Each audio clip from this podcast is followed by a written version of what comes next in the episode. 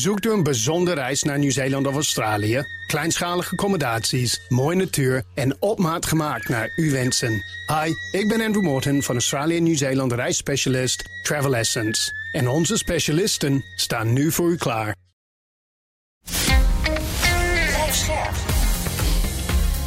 BNR Nieuwsradio. Boekenstein en de Wijk. Hugo Reitsma. Welkom bij Boekenstein en de Wijk. Het is maandag dag 698 van de oorlog in Oekraïne. Waarin Rob waarschijnlijk gaat zeggen dat er aan het front weer weinig is veranderd. Zo is het. Behalve dan in Statoven en Avdivka. Ja, ik bedoel, er valt niet uh, veel te lachen, want het zit gewoon pad dicht. Maar uh, in die twee plaatsjes hebben de Russen toch kleine vorderingen uh, gemaakt. En ja, voor de rest gebeurt er gewoon niks. Behalve natuurlijk, daar gaan we het straks over hebben, die grote aanvallen van Oekraïne over de grens. Ja. En daar kan Arend Jan vast over vertellen. Ja, dus zondag die grote aanval op dat chemisch transportterminal vlakbij Sint-Petersburg. Met drones. Ja. Heel spectaculair. Dat is, is, er eentje in een hele reeks. Daar gaan we het nog wel over hebben, denk ik. Nou, verder, eh, Rusland viel Zaporizhia 95 keer aan. 16 dorpen zondag. En uh, de Russen hebben uh, Oekraïnse troepen lastiggevallen zondag met 68 engagements, combat engagements, 4 raketaanvallen, 102 luchtaanvallen, 80 MLRS-aanvallen. Dus er gebeurt echt uh, van alles. Ja, er gebeurt van alles, maar tegelijkertijd gebeurt er niks. Hè. Dat is toch wel even uh, belangrijk om te zeggen. Men sloopt een hoop. Hè. Dat uh, geldt ook voor kennelijk de Oekraïnse aanval op Donetsk-stad waar winkels ja. zijn getroffen. En, markt. Waar een ja. markt is getroffen, exact. 27 doden volgens mij. Ja, ja, ik vond het ook een hele lastige om te zien wat er nou precies gebeurd is. Want vanuit de stad zelf kwamen de berichten dat dat gebeurd zou zijn met 155 en 152 mm granaten. Dus dat zou dus, dan zou die stad dus met artillerie moeten zijn uh, beschoten. Ja. Nou, ik ben echt heel benieuwd wat daar nou eigenlijk achter zit. Het enige wat we zeker weten is dat er een behoorlijke slagpartij is uh, geworden. Ja, en dat er dus nogmaals 27 doden bij zijn uh, gevallen. Ja, Oekraïnse militairen die in de regio vechten, die hebben het in elk geval het bericht ontkend dat zij ja. dat zouden hebben gedaan. Ik zag ergens staan dat het 20 kilometer van het front is. Haalt de artillerie dat? Ja, dat moet wel kunnen. Maar ja, ik vind het ook een hele vreemde, want die gaat toch niet, uh, want dat is feitelijk uh, een oorlogsmisdaad. Je gaat toch niet met artillerie uh, op een stad zitten te schieten. Ik bedoel, er zijn de Russen ook tamelijk goed in, maar die zeggen natuurlijk iedere keer van ja, nee, we zijn de stad niet aan het bombarderen. Dat is collaterale schade, dus ongewenste nevenschade. Want hmm. wij proberen toch militaire doelwitten, dan wel economische doelwitten te te treffen. En die economische doelwitten, dat kan bijvoorbeeld een energiecentrale zijn, die hebben ook een militaire uh, functie. Dus uh, ja, nee, ik vind, dit, ik vind het een lastig verhaal. Ik ben heel benieuwd wat er nou eigenlijk echt is gebeurd. Ja. Daar aan de, aan de Oostzee, dat Arjan, jij noemde het een chemische fabriek. Ik zag ergens staan een aardgasterminal. Weten we nou precies wat daar is geraakt? Ik geloof dat het beide is. Ja. En, en, het, vuur, en het vuur is daar geblust vandaag. Ja, maar ja, dat komt dus bovenop. Er was niet met elkaar door de war te halen. Vorige week zijn twee oliedepots in Rusland geraakt. Waarvan er dus ook eentje daar in de buurt van uh, Sint-Petersburg. Maar dus dit, dit aardgas slash chemie ding is er dan nog eentje erbij. Overigens uh, zei een woordvoerder van het Kremlin dat het regime in Kiev hiermee zijn beestachtige gezicht toont. Ze vallen oh. civiele infrastructuur aan mensen, zei hij met enig gevoel voor humor, neem ik aan dat hij dat zegt. Rusland heeft dat nog nooit gedaan. Nee, nee, nee, want we hebben niet heel veel gevoel voor humor in dat uh, land, moet ik zeggen. Want uh, even, even een hele kleine zijsprong. Ja. want Poetin namelijk, die heeft een brief geschreven aan een aan, de, aan een bijeenkomst voor niet gebonden landen.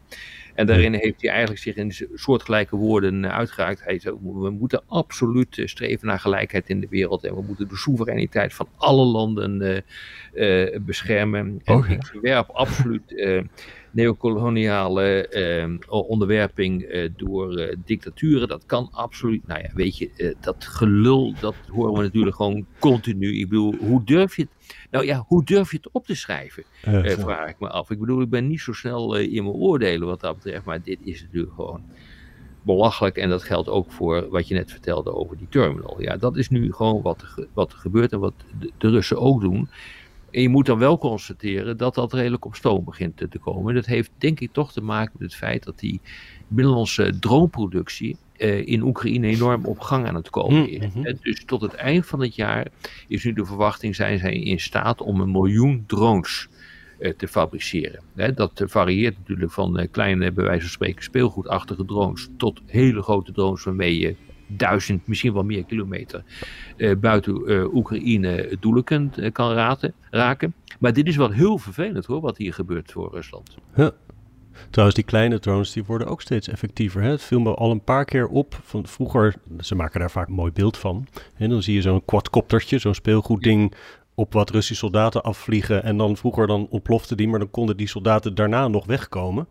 Ik weet niet of ze heel ver komen, maar nu laatst zie ik steeds grotere ontploffingen daarbij. Dat ze, ja. dat ze daar toch kennelijk toch grotere uh, explosieven aan weten te hangen. En soms zie je nog een heel gebouw exploderen, terwijl ze gewoon met zo'n zo'n quadcoptertje vliegen. Dus dat wordt ja. denk ik ook wat dat betreft een steeds groter probleem. Ja, ze zijn heel knap tegenwoordig hoor, wat dat betreft. Je proeft in de stukken een beetje optimisme over wat Oekraïne vermag met die drones. Ik ben bang jongens dat, dat Rusland het nog steeds meer doet dan... Uh, dan Oekraïne. Hè? Ja, dat is wel zeker. Kijk, wat Oekraïne natuurlijk nu doet. Uh, kijk, uh, Rusland is natuurlijk een immens land. Je kunt niet dat hele land beschermen. Dat gaat gewoon niet. Dus wat men nu probeert te doen, is door het afvuren van die drones op dit soort installaties. de luchtverdediging van Rusland binden aan doelen in, in Rusland zelf. Dan kunnen ze dus niet worden ingezet, bijvoorbeeld in de bezette gebieden. dus dat is nu een, een van de tactieken die men kennelijk aan het toepassen is. Ja. We moeten ook even naar Brussel toe, denk ik. Hè? Ja. dus er zijn de ministers van Buitenlandse Zaken zijn bijeen en daar zijn weer de bekende debatten. Borrell probeert de Oekraïners gerust te stellen dat ze, ja, verontrust je maar niet als wij over Gaza praten, want we zullen jullie blijven steunen. Maar je ziet dus heel duidelijk dat, dat de minister van Buitenlandse Zaken van Letland, Christianes Karins, en ook van Finland, Elina Valtone, die dus echt zeggen van luister eens, als we nu niet Oekraïne niet helpen, dan wordt het straks alleen maar duurder, want Rusland zal niet stoppen, hè, dat bekende verhaal. Ook Finland, hè, meer steun is er nodig en lange termijn. Dus er zijn daar nog behoorlijk onderscheiden posities, hè, waarbij overigens ook vandaag Slowakije uh, helemaal niet bereid is tot Oekraïne steun. En ook nog gewoon openlijk zegt, uh, Oekraïne moet gewoon maar gewoon land op, opgeven. Hè? Ja. Dus dat gebeurt er gewoon allemaal. Over EU gesproken, uh, Arend Jan Breton, interne, interne markt, hè, commissaris. die heeft dan toch een soort van goed nieuws afgegeven. Want die heeft nu gezegd van aan het eind van het jaar kunnen we 1,3 tot 1,4 miljoen granaten produceren. Nou, dat heeft dan wel even geduurd, maar mogelijkerwijs begint dat dus nu ook op stoom te komen. Hm. Oké. Hey, en Donald Tusk is in Kiev, hè? de ja. nieuwe Poolse premier. Wat had hij in de aanbieding? Een, een, lening. En wat heel belangrijk is voor Kiev, want Kiev ziet dat het nog allemaal heel lang gaat duren. Ze willen gewoon toekomstige gemeenschappelijke wapenproductie hebben. Dus fabrieken in Oekraïne, waar dan dus ook Polen aan meebetaalt, maar ook andere EU-lidstaten en ook kennis biedt. Uh, Tusk is heel duidelijk uh, uh, pro-Oekraïne, maar dat wist ze natuurlijk wel. Mm -hmm staat voorop, geeft veel geld. En is natuurlijk een hele andere regering dan de vorige. Ja, ja. Over, het is Donald Tusk, hè? over Donald ja. gesproken, Trump. Daar heeft Zelensky nog een hele aardige over, opmerking over gemaakt. En uh, die zei, ja, als Trump in staat is om binnen 24 uur aan deze oorlog een einde te maken, dan hoor ik dat graag. Ik nodig hem hierbij uit. ja, het is ook echt niet, niet te geloven dit hoor. Ja. Hey, nog even één kleintje. Uh, dat is dan weer goed nieuws voor, uh, voor Rusland. Want zo, uh, ja, zo zijn we toch bezig om het goede en het slechte nieuws, zowel voor Rusland als Oekraïne, af te wisselen. De export van Rusland van energie naar China is echt gewoon gigantisch vergroot. Hè? Dus de hoeveelheid LNG die in 23 is, is verscheept, is met 23% toegenomen en olie met 24%. Dus nu begrijp je dus ook, als je dat soort getallen hoort, waarom die sancties um, eigenlijk ook niet zo gek veel gedaan hebben. Met name op uh, olie- en uh, gasgebied. Ja. Misschien nog één puntje op Oekraïne. Ja. Rob, jij had het over Russisch protest aan het adres van Denemarken vanwege VS-materieel dat die kant op gaat. Dat had ik niet gezien, maar Oh ja. Volgens mij zijn al die landen daarmee bezig. Hè? Want ik hoorde ook van Zweden en Finland dat die dus met akkoorden bezig zijn ja. na toetreding tot de NAVO. Om dus Amerikaans materieel die kant op te krijgen. En dan dus heel dicht tegen de Russische grens aan. Jazeker, dat heeft gewoon te maken met het versterken van de collectieve defensie van het NAVO-gebied. En dat betekent dus dat je bilaterale afspraken moet maken over bijvoorbeeld de stationering van voorwaarts geplaatst materieel in een bepaald land. En dat, dat is een normale procedure. Nou, de Russische ambassadeur in Kopenhagen die heeft gezegd van als je dat gaat doen dan zwaait er wat. Dan, moet, dan, dan kan dat niet onbeantwoord blijven.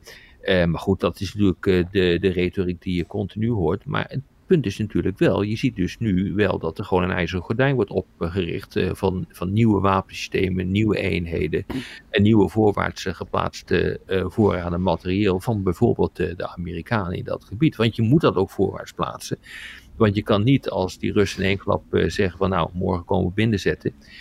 dan kan je niet beginnen met het overhevelen van materieel uit Amerika naar naar Europa. Dus dat moet er gewoon zijn. Nou, dit soort, dit soort overeenkomsten zijn ervoor bedoeld om dat mogelijk te maken. Als we door naar het Midden-Oosten gaan, dan kan ik hem wel aftrappen met wat uh, deprimerende berichten. Uh, zoals zeker 50 Palestijnen uh, gisteravond gedood door Israëlische aanvallen op Gaan. Volgens het ministerie van Gezondheid daar zitten waarschijnlijk nog veel mensen onder het puin. De Palestijnse Rode Halve Maan zegt geen mensen meer te kunnen redden omdat hun ambulancepost wordt belegerd door Israëlische troepen die schieten op alles wat beweegt.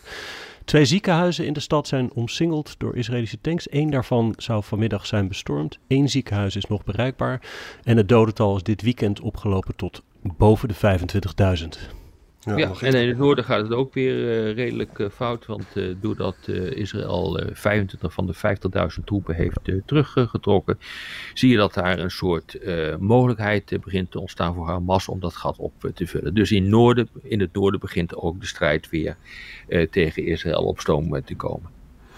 En ze, ze, hebben ook nog maar 10 tot 20 procent van de Hamas-leiders uitgeschakeld, ja. kregen we eerder te horen. Dus dat kan ook allemaal. Het is wel zo dat het aantal dagelijkse doden in Gaza neemt wel af. Het was in november nog 350 en nu is het 151. Dus kennelijk is het wel zo dat, dat er minder intens wordt uh, Ja, maar de successen zijn niet groot. Hè? Want eind uh, december had men uh, gehoopt dat men een operationele controle, dus zeg maar het, beheersen van het gebied over feitelijk Gazastad, Kaan Yunis en Rufa zou hebben. Ja, dat is gewoon niet gelukt. Dus men loopt achter. Er is een veel kleiner deel onder controle dan men uh, hoopte. En je ziet dus nu dat die generaals gaan morren. En dat is echt interessant. Hè? Dus die zeggen van ja, weet je, op deze manier kan dat niet. Op deze manier kunnen we niet winnen. En er is een totaal uh, tegenstrijdigheid tussen het bevrijden van... Uh, gijzelaars. Ja, exact, de gijzelaars. Hm. En, en de oorlog die we aan het eh, voeren zijn tegen Hamas. Die twee die matchen niet met elkaar. En het interessante is, dat zegt ene Sami Abu Zuri, dat is een hoge Hamas-official, die zegt dus gewoon precies hetzelfde. En wat je ook hoort uit militaire kringen, het lijkt wat dat betreft Oekraïne wel, er is een padstelling. Uh, en dat zeggen ook sommige experts, die zeggen van beide partijen komen niet veel verder. Moet je voorstellen hoe erg het is. Want er is een groot segment van de Israëlische samenleving die vindt dat Netanyahu te weinig doet aan die gijzelaars. Hè? En nou blijkt dus en die militaire operatie niet erg productief te zijn, hè? niet erg efficiënt te zijn. En daarnaast is het ook zo dat als je Hamas wil vernietigen, dan kan je die gijzelaars natuurlijk wel vergeten. Dus de druk op Netanyahu wordt gewoon enorm uh, verhoogd. Ja, ja waren zaterdag ook weer protesten hè, in, uh, in Israël tegen uh, ja. Netanyahu. Die, en die betogers die eisen dus ook beëindiging van de oorlog. En het, het, het opzouten van Netanyahu. Ja. ja. nou ja, het begint echt wel spannend te worden wat daar nu gaat gebeuren. Want kijk, uh, Amerika die vreest voor wat je zou kunnen noemen een tipping point. Dus het is een soort moment waarop de boel compleet uit de klauwen gaat uh, lopen. En dat gaat gebeuren, waarschijnlijk zeggen nu de Amerikanen, als Amerikaanse militairen worden gedood. Misschien niet één, misschien niet twee, maar als het uh, in de aantallen loopt, dan wordt het echt een groot probleem. En je ziet dus continu dat de aanvallen op Amerikaanse bases, bijvoorbeeld in Irak, die, uh, die zijn succesvoller aan het worden, zijn net 17 eh, raketten neergekomen op een, uh, basis Al-Assad. Dat is een luchtmachtbasis uh, in, in Irak. En ja, daar zijn gewondes bij gevallen. Geen dode Amerikanen zijn er te betreuren. Uh, maar men kijkt dus nu heel goed wat daar, wat daar gebeurt. Hè. Als je dus alleen al kijkt in, uh, in het gebied Irak-Syrië, daar zijn er de afgelopen uh, tijd, zeg maar sinds begin oktober, pakweg 140 aanvallen uitgevoerd op Amerikaanse basis, 70 gewonden zijn erbij gevallen. Ehm, dat kan zo niet eeuwig doorgaan. we hebben er al eerder over gesproken dat die Amerikanen op een gegeven moment echt moeten gaan nadenken over hoe brei je hier een eind aan. Uh, in verband met die escalatie, maar ook omdat gewoon uh, uh, de, de, humanitaire situatie zo nijpend begint te worden dat de hele wereld zich daar nu tegen aan het verzetten is. Dus dat betekent dat onder de huidige omstandigheden de neiging steeds groter wordt om een diplomatieke oplossing te zoeken. En wat ik echt interessant vind is dat de Amerikanen met de Egyptenaren en de Qatari, die hebben nu een plan op tafel gelegd om te komen tot een akkoord. Hebben jullie gezien hoe dat akkoord er trouwens uitziet? Ja, vertel eens, vertel. Alle details zijn niet duidelijk. Het is een periode dat, uh, dat wordt uitgesmeerd over een periode van uh, eh, 90 dagen. Uh, er moeten gijzelaars vrij worden gegeven. Er moet een, een ruil zijn van gevangenen die Israël onder controle heeft de bevolking die moet weer uh, min of meer uh, terug uh, kunnen gaan. er moet een soort vrijheid van beweging zijn in, het, in de Gaza-strook. en de humanitaire hulp die moet worden op... die moet worden opgeschroefd. Het is mij niet helemaal duidelijk of dat zo'n akkoord begint of eindigt met de staakt het vuren. Ik heb die details niet gezien, moet ik eerlijk zeggen. Maar het feit dat de Amerikanen nu ook zelf bezig zijn met een akkoord, te formuleren is echt heel erg veelzeggend hoor. Ja, Amerikanen worden gewoon door Netanyahu compleet in de steek gelaten. Ja. Netanyahu weigert terugtrekking van de Israëlische troepen. Hij weigert ook een twee-staten-oplossing. Zondag voor de zoveelste keer heeft hij dat gezegd. Ja. Nou, Biden heeft zijn Midden-Oosten-coördinator Brad McCurk gestuurd. Dan gaat het met name over de gijzelaars, maar ook over dat Egyptische en Qatarese plan. En hij gaat dus ook naar Egypte en Qatar toe. En uh, dus de druk op Netanyahu is ongelooflijk groot. Maar ja, uh, dan hebben we dus uh, vandaag ook de Israëlische buitenlandse zakenminister Yisrael Katz in Brussel. Ja. Mm -hmm. En, en vertel maar wat je, daar, wat je daarover las, Hugo. Ja, The Guardian berichtte op grond van, van bronnen daar dat Katz nou, zijn eigen oplossing heeft gepresenteerd. De Palestijnen namelijk verhuizen naar een kunstmatig aan te leggen eiland in de Middellandse Zee. dat zou een plan zijn dat al is gemaakt toen hij minister van transport was. Uh, hij zou een uh, video daarvan hebben gepresenteerd dus aan de Europese ministers van Buitenlandse Zaken, die volgens de krant dat plan ontvingen met ontzetting. Ja, en het plan is niet nieuw hoor. Het volgens mij stond in 2017. Ja. En ik heb eerlijk gezegd, heb ik die video ook wel eens gezien uit die tijd. Echt? Ja, en volgens mij, ja, volgens mij staat hij gewoon op, uh, op YouTube. Maar, maar dit is toch getikt? Ja, ja. oh ja, de, ja, ik heb hem hier. Hij duurt 1 minuut en 14 seconden, uh, die video. Dus uh, nee, je kunt hem gewoon uh, opzoeken. Het is een, het is een eilandje. En dat is, in, wat ik zeg, in 2017 is dat al een keer gepresenteerd. Maar jongens, hoe moeten we het nou verklaren? Is dit nou een diplomatieke maloot? of is, dit, is die erop gebrand om, om Brussel lekker te sarren? Ik bedoel, dit is toch krankzinnig? Nou ja, zo langzamerhand heb ik, ik, ik het, het lijkt wel over een aantal van die, uh, van die uh, mensen, uh, van, die, van die ministers ook, zo vervuld zijn van haat. En wat ik me ook goed kan voorstellen, ik bedoel, er is natuurlijk ook wat gebeurd, dat ze eigenlijk de realiteit uit het oog aan het verliezen zijn. De realiteit van dat je dit niet goed kunt winnen, maar ook de realiteit van de oplossingen die je nastreeft. Men wil gewoon, een aantal van die hardliners, die wil gewoon af van de Palestijnen, die moeten weg. En uh, dat betekent dus dat het hele gebied, uh, ja, dat zijn natuurlijk van, uh, van de river to the sea, wordt er iedere keer eh, gezegd. Maar dat geldt nu voor Israël, althans voor dit soort mensen, die willen dat helemaal onder controle krijgen. Ehm, ja, weet je, internationaal